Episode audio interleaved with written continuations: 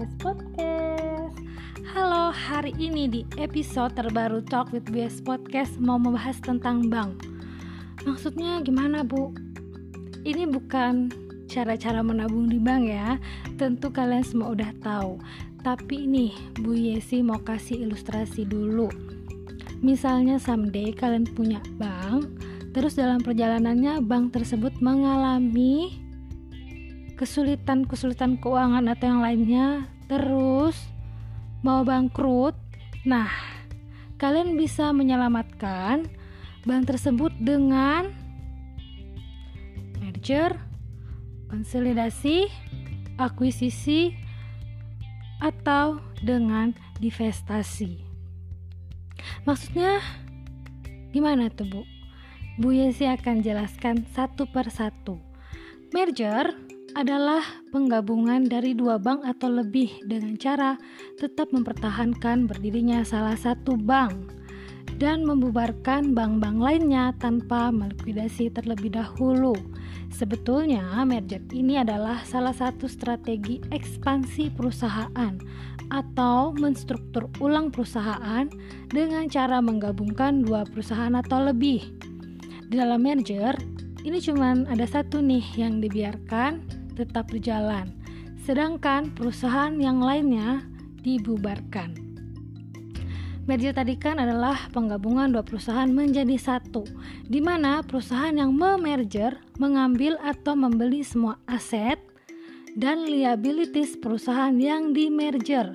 Dengan begitu, ya, perusahaan yang memerger memiliki paling enggak 50% saham dan perusahaan yang di merger berhenti beroperasi. Terus pemegang saham yang sebelumnya gimana tuh Bu? Menerima sejumlah uang tunai atau saham di perusahaan yang baru. Definisi merger yang lain sebagai penyerapan dari suatu perusahaan oleh perusahaan yang lain. Dalam hal ini, perusahaan yang membeli akan melanjutkan nama dan identitasnya.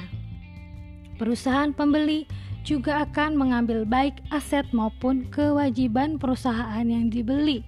Setelah merger, perusahaan yang dibeli akan kehilangan atau berhenti beroperasi. Yang kedua, konsolidasi.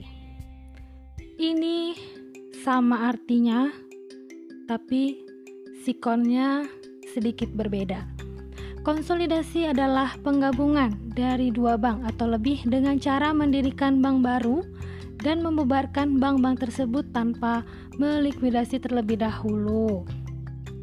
Konsolidasi ini situasi di mana perusahaan yang terpisah menjadi satu. Kadang-kadang digambarkan sebagai merger. Meskipun secara teknis ini adalah dua situasi yang berbeda.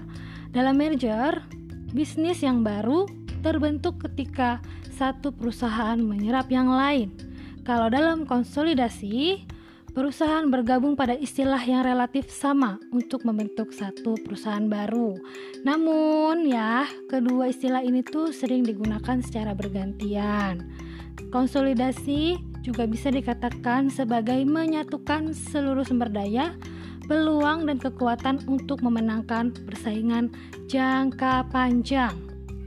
Kalau berdasarkan pasal 1 angka 10 Undang-Undang Nomor 40 Tahun 2007, peluburan atau konsolidasi adalah perbuatan hukum yang dilakukan oleh dua PT atau lebih untuk meluburkan diri dengan cara mendirikan satu PT yang baru yang karena hukum memperoleh aktiva dan pasiva dari PT yang meleburkan diri dan status badan hukum PT yang meleburkan diri berakhir karena hukum. Sedangkan pasal 1 PP nomor 27 tahun 98 peleburan atau konsolidasi adalah perbuatan hukum yang dilakukan oleh dua PT atau lebih untuk meleburkan diri dengan cara membentuk satu PT yang baru dan masing-masing PT meluberkan diri menjadi bubar. Contohnya, kalian tahu nggak? Bank Mandiri itu ternyata berasal dari empat peleburan bank BUMN. Yang pertama, Bank BDN, Bank Bumi Daya, Bank Ekspor Impor, dan Bank Bapindo. Jadi nih ya, gara-gara krisis ekonomi, krisis moneter tahun 9798 keempat bank itu kan sekarat. Nah, guna untuk menyelamatkan bank tersebut akhirnya keempat bank tadi meleburkan diri terbentuklah Bank Mandiri. Ini juga salah satu langkah pemerintah yang dilakukan guna menyelamatkan bank tersebut. Akuisisi. Apa itu akuisisi? Akuisisi adalah pengambil alihan atau take over sebuah perusahaan dengan membeli saham atau aset perusahaan tersebut. Jadi, perusahaan yang dibeli itu tetap ada. Akuisisi dilakukan dengan cara mengambil alih seluruh atau sebagian saham yang mengakibatkan beralihnya pengendalian bank kepada pihak yang mengakuisisi. Pengambil alihan saham bank baik secara langsung maupun melalui bursa efek yang mengakibatkan kepemilikan saham oleh pemegang saham perorangan atau badan hukum menjadi lebih dari 25% dari saham bank yang telah dikeluarkan dan mempunyai hak suara dianggap mengakibatkan beralihnya pengendalian bank kecuali yang bersangkutan dapat membuktikan sebaliknya. Cara yang terakhir adalah dengan divestasi. Sebetulnya dalam finansial dan ekonomi, divestasi ini adalah pengurangan beberapa jenis aset, baik dalam bentuk finansial ataupun barang. Juga disebut penjualan dari bisnis yang dimiliki oleh perusahaan. Ini malah kebalikan dari investasi pada aset yang baru. Kalau tadi ya, tujuannya untuk menambah aset, untuk memperbanyak aset. Kalau divestasi ini justru mengurangi aset. Dasar hukum ini banyak. Pokoknya segala sesuatu tentang merger, konsolidasi, akuisisi, pemisahan perusahaan ataupun divestasi yang berkaitan dengan PT, kemudian juga perusahaan BUMN, yayasan, semuanya yang berkaitan dengan itu, itulah dasar hukumnya. Kemudian, alasan-alasan kenapa orang bisa mengambil keputusan merger, konsolidasi, akuisisi, dan divestasi. Kalau yang lewat merger, alasannya bisa karena pertama pertumbuhan atau diversifikasi. Biasanya memang sebuah perusahaan itu kan pengen ya perusahaan itu bertumbuh dengan cepat. Baik ukuran sahamnya, ukuran perusahaannya, pasar sahamnya maupun usahanya sendiri. Jadi biasanya kalau dengan merger atau akuisisi biasanya akan menimbulkan pertumbuhan yang cepat bagi perusahaan tersebut daripada dengan tidak adanya akuisisi atau merger. Alasan yang kedua ini berkaitan dengan sinergi. Jadi sinerginya adalah sejalan dengan menghasilkan tingkat skala ekonomi. Ya, jadi skala ekonominya ini tentu akan baik kalau misalnya dengan merger ataupun akuisisi. Yang selanjutnya adalah meningkatkan dana.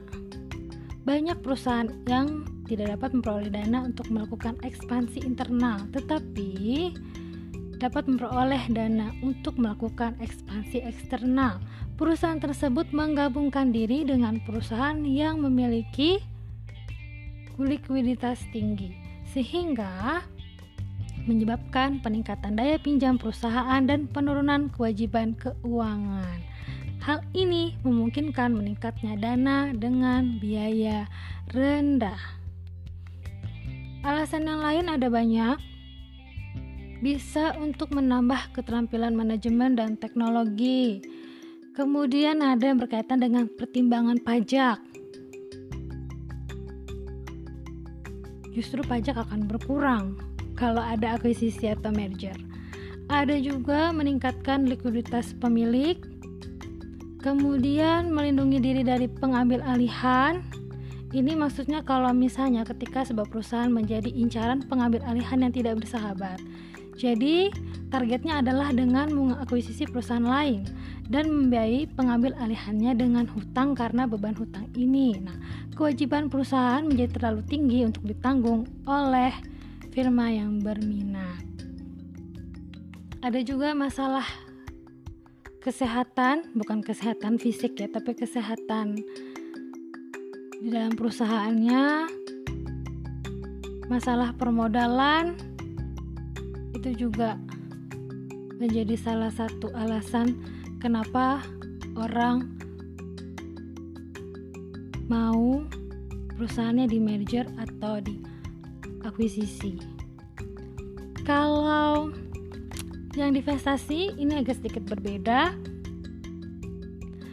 Alasannya pertama, sebuah perusahaan akan melakukan divestasi atau menjual bisnis yang bukan merupakan bagian dari bidang operasional utamanya, sehingga ya perusahaan tersebut dapat berfokus pada area bisnis terbaik yang dapat dilakukannya. Contohnya,